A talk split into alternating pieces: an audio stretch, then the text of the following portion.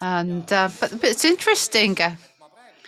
Uh, but I'm, I'm quoting the author and, and show uh, the the principle uh, and uh, so that we just uh, would know that there are external and internal factors.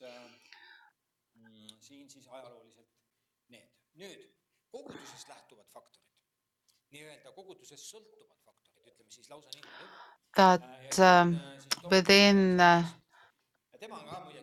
Tom uh, Tom Rainer is the next author who has spoken about spoken about these factors. He's a professor. Um, so, so the first factor was evangelism. Whatever we, however we define it, but during the first three centuries, uh, the the ones they weren't oh, the ones who who founded um, social care uh, um, institutions and and hospitals, hospices. Uh, there, there, it was the society where only the strongest survived. So those who are weak, they died. They were left without care. They were doomed to die. But uh, helping the poor, the weak, the sick so the mission was not uh, about um, preaching, proclamation, but it was a lot uh, related to social care, uh, doing good, caring for the sick, the dying, the poor. And second factor is prayer. And the third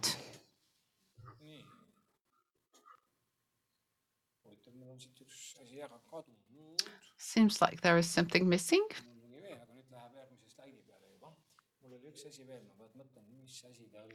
And there is, was something else. Uh, can't remember it. I know there was in the third point as well.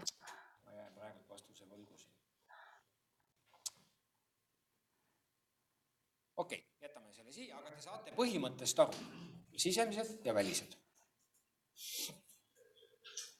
äkki, äkki õpetus Ähm, see võis olla õpetus ja ma arvan, et siin ongi Could have been teaching. Uh, I think there are so many factors. Uh, I am only quoting the authors. I think we should add here some other factors.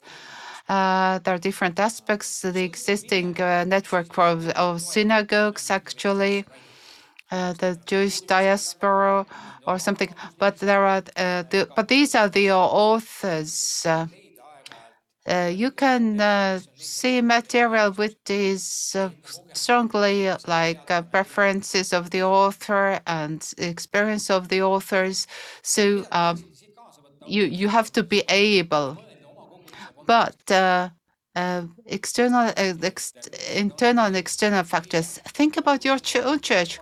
What are things that depend on us, and which are the external factors that we need to identify uh, and uh, that would enable us to grow. How to use these, um, turn them to our benefit, basically. We said about the country villages, country life villages, people go away from villages. This is a factor that is definitely against uh, numeric growth. Well, John the Baptist went to the desert, the devil went uh, and and after them. So are we? Are you called to be John the Baptist? Generally, we are called to be uh, pastors, uh, and the later growth has become has used this social uh, movement. South Korea how much, how many uh, Christians are there uh, percentage-wise? Over 30% Christians. Newborn Christians, 30. One third are newborn Christians, not traditionally Christian. Then we have 1.3 million people living in the States. It was about uh, 400 uh, over 400,000 ja elavad kristlust, Kristust välja. who, who live out their Christianity in daily life. Incredible. Now, the growth of Christianity started after the Korean War uh, in the 50s. They were completely down, uh, they, they, were flattened, they were, uh, and that was split in half. But the, the economic growth started, and there were people who made wise decisions. And together with that growth came um, church growth. There were key people like Yonggi Cho and others. So the church and the state grew uh, hand by hand. God has created us to live in uh, social communities in states. Sometimes we think about spiritual growth, but when the society grows, it can be um, something that can be harnessed suhtes, for the benefit of the church. Oh, okay, we can't do uh, copy paste, uh, but it is important to see what promote and what um, hinder church growth. Well, a little bit statistics. Uh, this statistics gives us um, the global overview of, of the state of Christianity.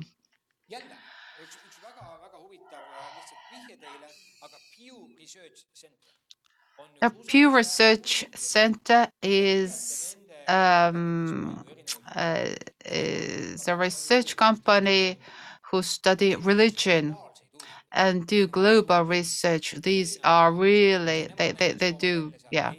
And actually, you can find Estonia uh, and there as well.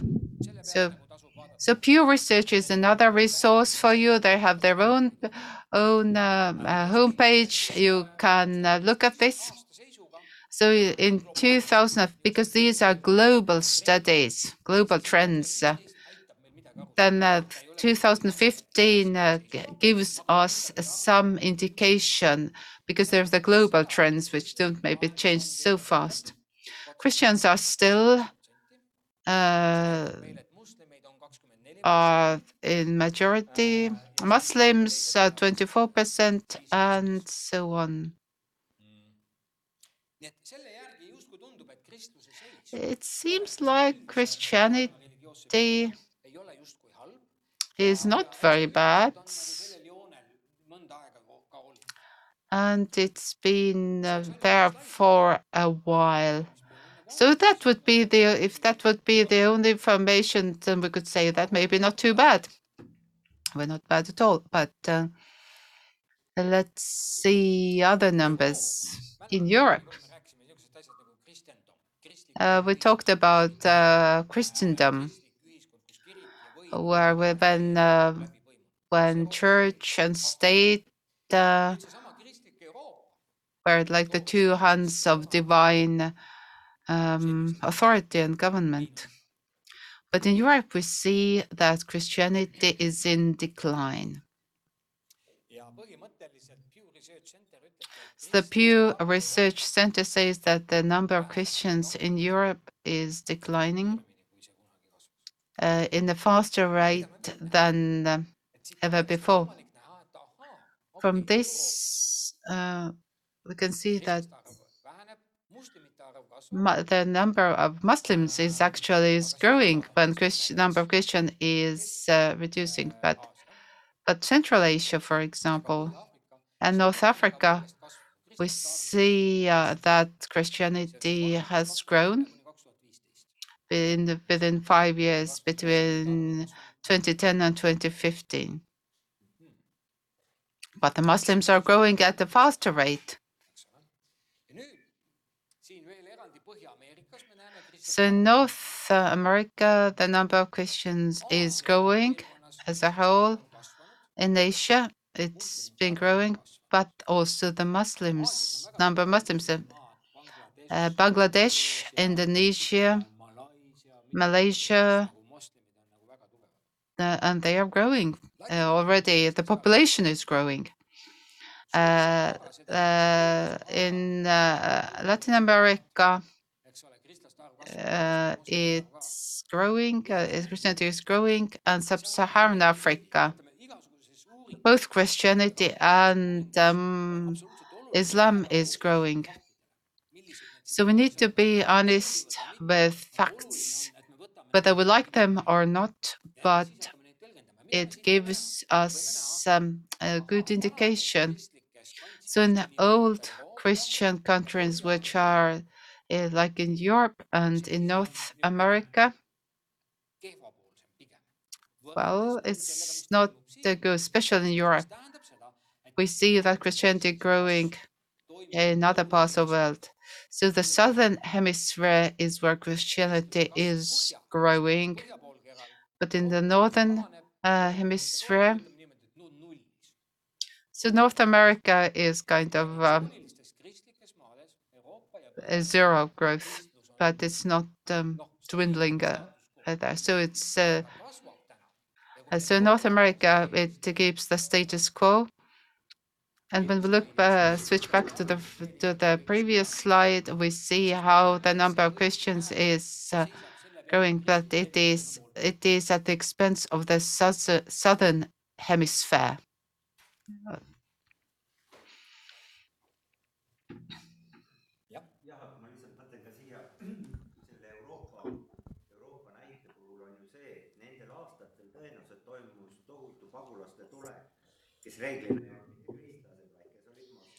We see also uh, the influx of refugees from south.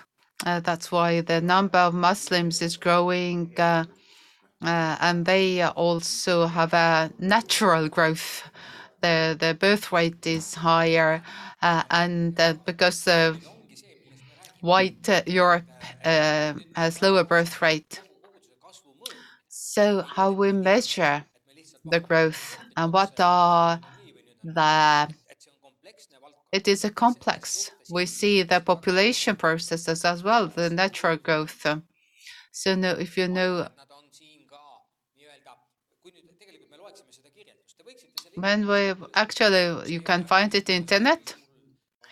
I've I've I've, I've uh, copied from uh, Pew Research Center, and uh, and they give you a good explanation how they have come to these numbers, and that gives okay, you see the number and you see their methodology for, and details. Uh, So, uh, what are the processes behind these numbers and the prognosis for the future?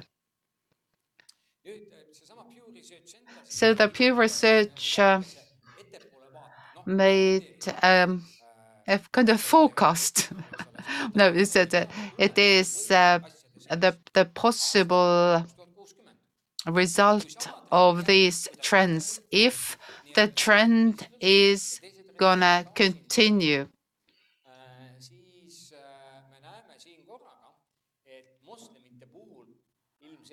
But uh, Islam is growing at the greatest rate. And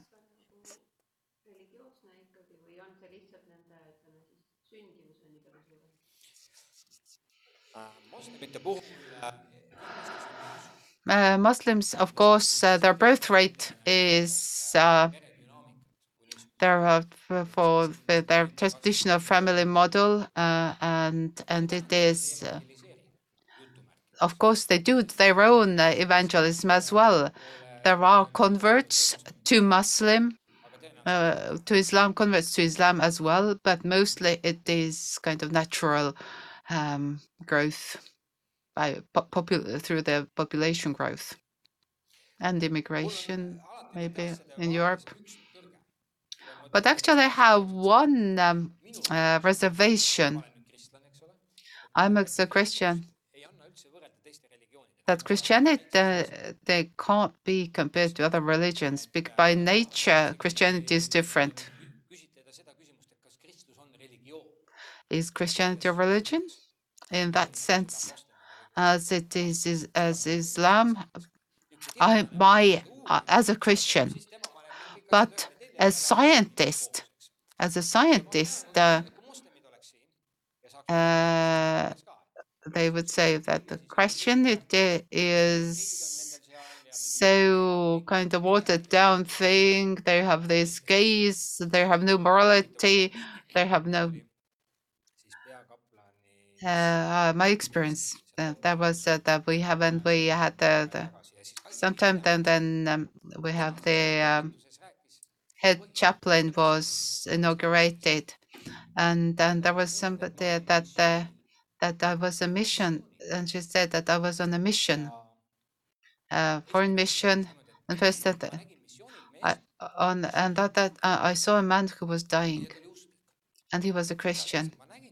I saw I could not die before the priest came and uh, and prayed with him and I saw how the person he was uh, wounded uh, deadly wounded and then he could live in peace how a person uh, found that that that that he waited until the priest came uh, reached him and he could die and the second thing that that I was uh, I was um, um, talking to a Taliban fighter. I, we were um, investigating, and and the Taliban said that, the Muslims said that that, that asked, "Who are you?" And they said, I could not said, "Well, I'm, I'm, I'm not religious." And the Muslim said, "Then you are a dog. You are no one. We do not respect you because you do not believe in you."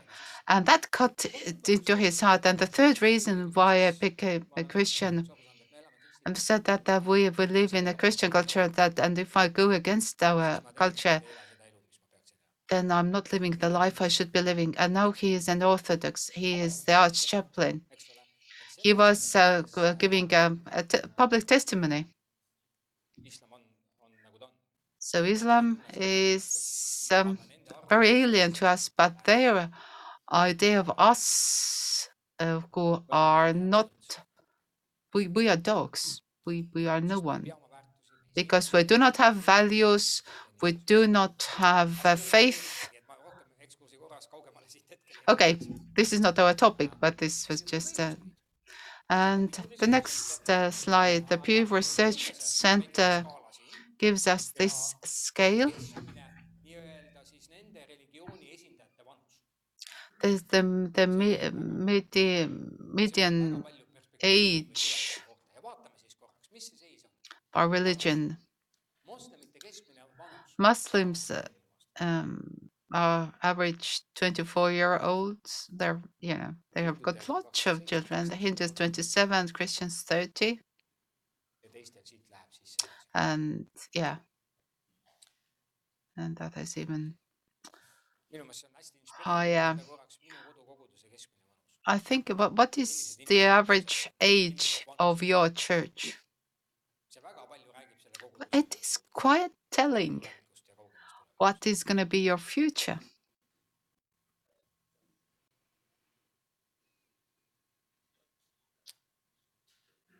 no vot, nagu, nagu ma näitan seda sellepärast, et lihtsalt näidata, et kuidas So, so on a global scale, nii-öelda vaadatakse andmeid. We are looking at the data and this we can do it in your our own churches not in uh, b- such a scale and the quality but to we can look at the data and analyze I've I've lived in a subculture Christian culture there. I've been brought up in the church during the Soviet time. I went to the underground uh, Sunday school in the Methodist church actually. Uh, I know the church life. I know it and what I see, how I'm doing, and then you put your finger into the air, see how the wind is blowing. This is our. So, so how you feel about it? Well, we feel like we're doing fine, but can we see this? Oh, we had a good event. We we, we made it was good, a success. We made uh, 2009. Uh, I was leading the Lotus uh, Festival, which was the Billy Graham's organization foundation, and and uh, many people said that it didn't give results. Churches didn't see the conversions, didn't see that that that, that who were converted. Well, there uh, some conversions, but very few. And we have to think whether this method that we're using, whether this evangel method we are using is actually working. We are so exciting of doing these events, but it doesn't bear any fruit. So uh, church growth gives us tools um, to analyze. It's not about criticism and, and bringing negativity, um, but being uh, so so we have to face the facts. The facts are neutral. Uh, we do not shouldn't be afraid of it. Be honest.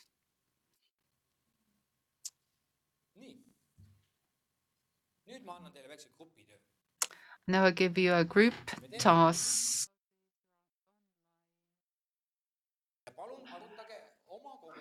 How many of you are online? Okay.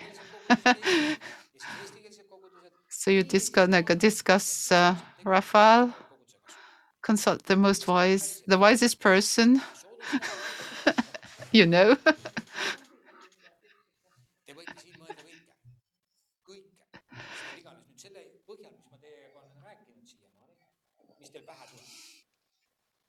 okay, uh, so discuss. Uh, the the the the main the main